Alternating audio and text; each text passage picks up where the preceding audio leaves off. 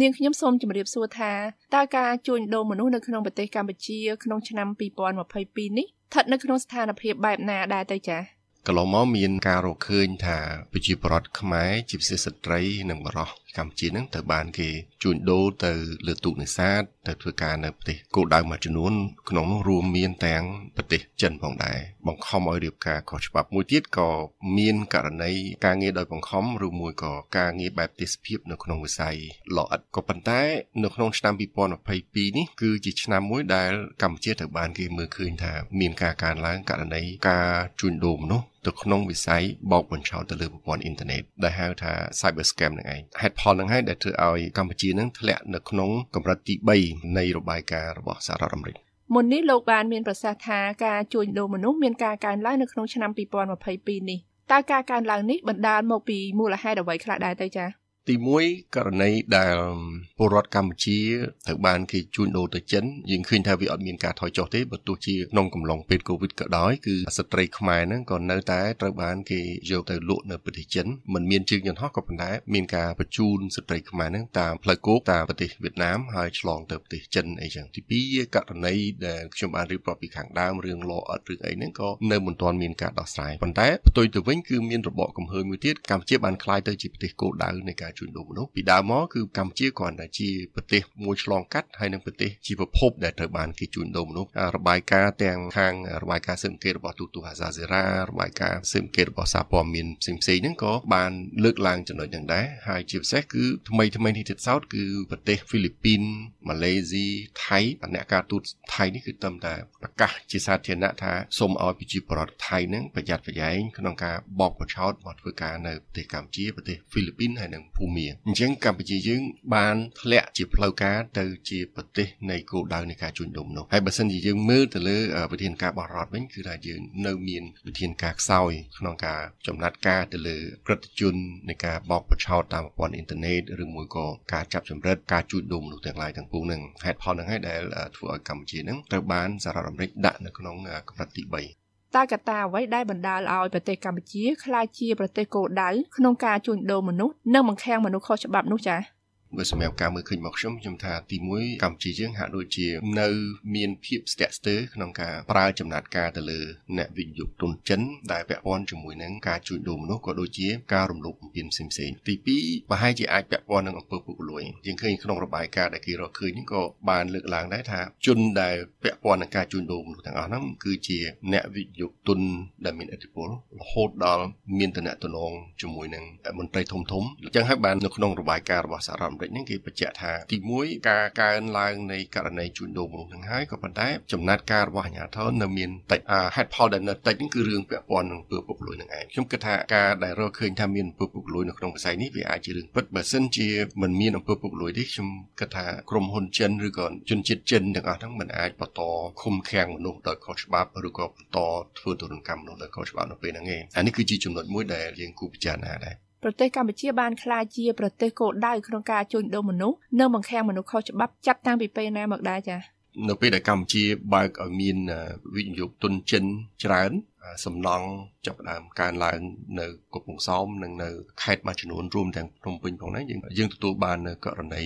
ជនរងគ្រោះពីប្រទេសបង់ក្លាដេសប្រទេសនេប៉ាល់ស្រីលង្កាពាក់ព័ន្ធនឹង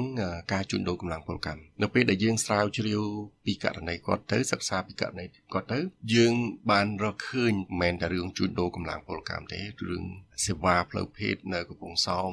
មានស្ត្រីជនជាតិចិនដែលត្រូវបានគេយកមកបម្រើសេវាផ្លូវភេទនៅកំពង់សោមហើយរហូតដល់មានអ្នកខ្លះព្យាយាមសម្លាប់ខ្លួននៅពេលនឹងឯងដែលខ្ញុំចាប់ផ្ដើមគិតថាអញ្ចឹងមានរឿងច្រើនទៅទៀតនៅពីក្រោយអ្វីដែលយើងដឹងកើនឡើងកាន់តែអាក្រក់ហ្នឹងប្រហែលជា3ទៅ4ឆ្នាំចុងក្រោយនេះគឺកំឡុងមុនពេល COVID-19 ហើយនៅក្នុងកំឡុងពេលដែល COVID-19 ហ្នឹងក៏កម្ពុជានៅតែអត់ស្រាកស្រានដែរពាក់ព័ន្ធនឹងការជួញដូរមនុស្សនេះតើការជួញដូរមនុស្សនៅក្នុងប្រទេសកម្ពុជាធ្វើឡើងតាមរបៀបណាខ្លះដែរទៅចា៎ការជួញដូរមនុស្សនេះវាមានពីរប្រភេទការជួញដូរតាមទម្រង់ដោយខុសច្បាប់ទាំងស្រុងតែម្ដងជាមីខ្យល់ជាមនុស្សដែលមិនមានអាជ្ញាប័ណ្ណអីទេ គឺចាប់ផ្ដើមទៅបញ្ចុះបញ្ចូលស្ត្រីខ្មែរបរោះខ្មែរដើម្បីយកទៅលក់នៅថៃ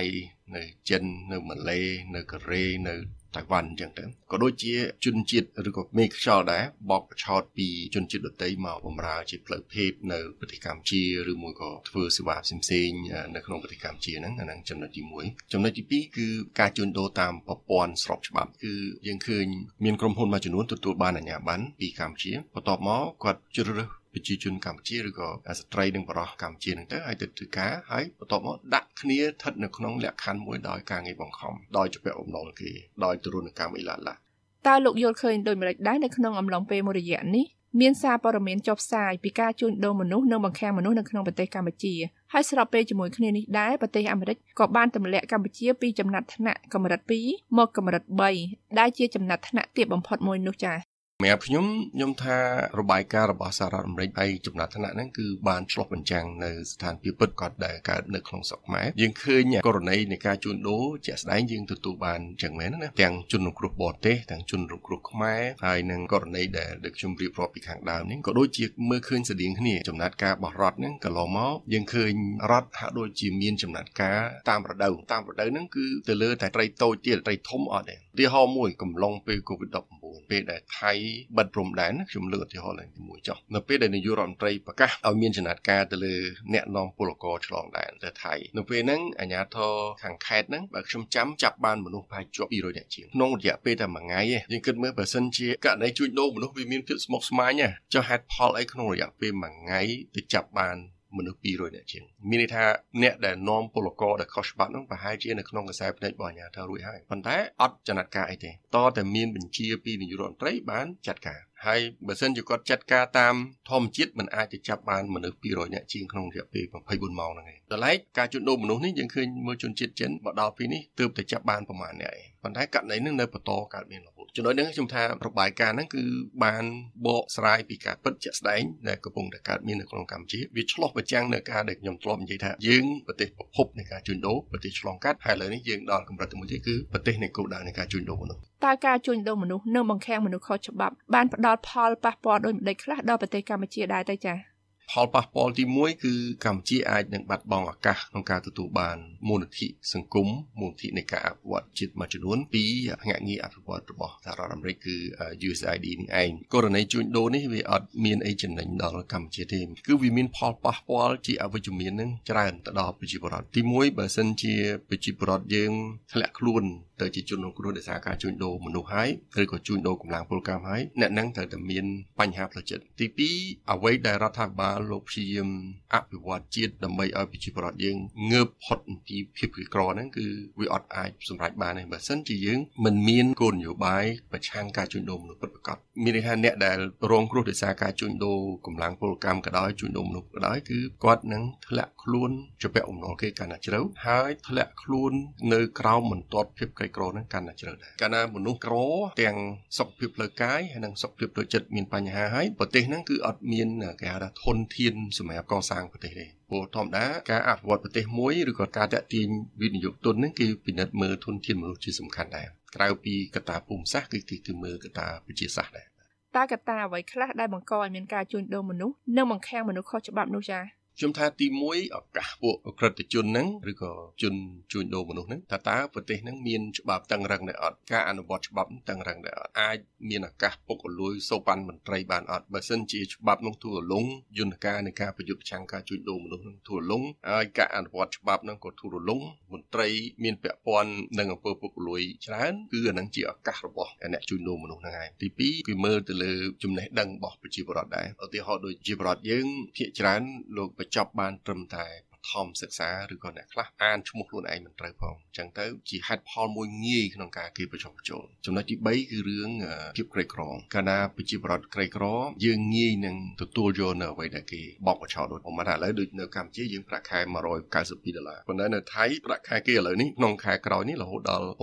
9.66ដុល្លារក្នុងមួយថ្ងៃបើសិនជាគេយកអាហ្នឹងយកមកបញ្ចុះបញ្ចូលប្រជាពលរដ្ឋយើងឲ្យទៅធ្វើការនៅថៃគឺងាយក៏ប៉ុន្តែប្រទេសមួយចំនួនដែលអ្នកមានហ្នឹងក៏គេសម្លឹងមើលចំណូលដែរហេតុផលហ្នឹងដែលជនជាតិតៃវ៉ាន់ជនជាតិហុងកុងម៉ាឡេអីដែលគេសន្យាថាអ្នកឯងមកធ្វើការនៅវិស័យកាស៊ីណូហ្នឹងលបែងអនឡាញហ្នឹងគឺនឹងបានប្រាក់ខែ8000ដុល្លារ9000ដុល្លារអីចឹងណាអាដល់ហ្នឹងឯងដែលជនជាតិនៃប្រទេសអភិវឌ្ឍទាំងអស់ហ្នឹងគាត់ចាប់ដើមសម្លឹងមើលបើយើងបូកសរុបមកវិញគឺវាមានកត្តាពីរដែលជំរុញឲ្យមានការជួញដូរមនុស្សកត្តាជំរុញហើយនិងកត្តាតាក់ទាញ បូកជាមួយនឹងឱកាសដែលខ្ញុំរៀបរាប់ពីខាងដើមថាប្រទេសនឹងអត់ទាន់មានច្បាប់ត្រឹមត្រូវហើយការអនុវត្តច្បាប់មានភាពទូរលំហើយមានកម្រិតនៃអំពើពុករលួយខ្ពស់នៅក្នុងប្រទេសកម្ពុជាខេត្តណាខ្លះដែលមានការជួញដូរមនុស្សនិងបង្ខាំងមនុស្សខុសច្បាប់ច្រើនជាងគេនោះចា៎ កន្លងមកយើងមានខេត្តខ្លះគេហៅខេត្តជាគោលដៅប៉ុន្តែ4 5ឆ្នាំចុងក្រោយនេះខ្ញុំមើលទៅឃើញអត់មានភាពខុសគ្នាប្រហែលទេពីដើមមកយើងគិតថាខេត្តនៅជីដែនងាយនឹងគេបកទៅច្រើនក៏ប៉ុន្តែភាពពិតជាក់ស្ដែង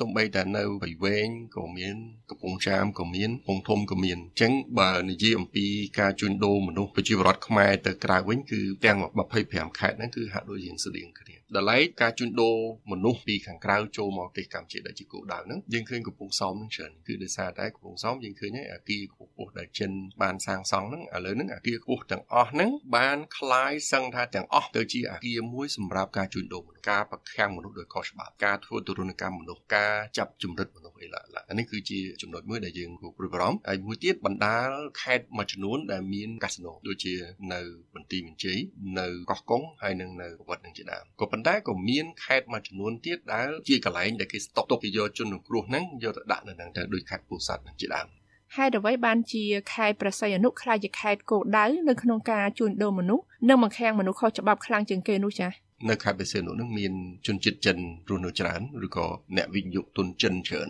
យើងឃើញហើយមានរឿងកាប់សម្លាប់គ្នាទាំងថ្ងៃបាញ់គ្នាទាំងថ្ងៃអញ្ចឹងការគ្រប់គ្រងទៅលើជនជាតិចិនទាំងអស់ហ្នឹងក៏ធ្វើឲ្យអាជ្ញាធរខ្មែរយើងហ្នឹងឈឺក្បាលបន្តិចដែរមួយរយៈកន្លងមកនេះខ្ញុំថានេះគឺជាមេរៀនសម្រាប់ប្រទេសកម្ពុជាយើង ដែលយើងសម្លឹងឃើញ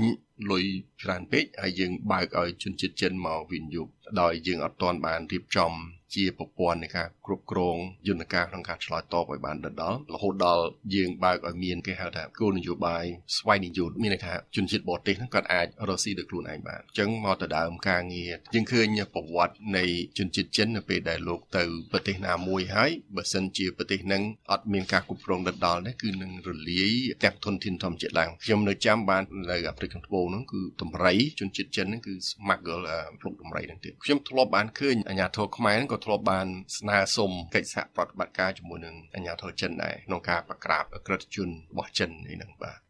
នៅក្នុងនាមលោកជាអ្នកធ្វើការងារនេះជាយូរឆ្នាំតើលោកគិតថាអាជ្ញាធរមានសមត្ថកិច្ចគួរមានវិធានការបែបណាខ្លះក្នុងការទប់ស្កាត់ការជួញដូរមនុស្សនៅក្នុងប្រទេសកម្ពុជាឲ្យមានប្រសិទ្ធភាពនោះចា៎ ខ្ញុំថា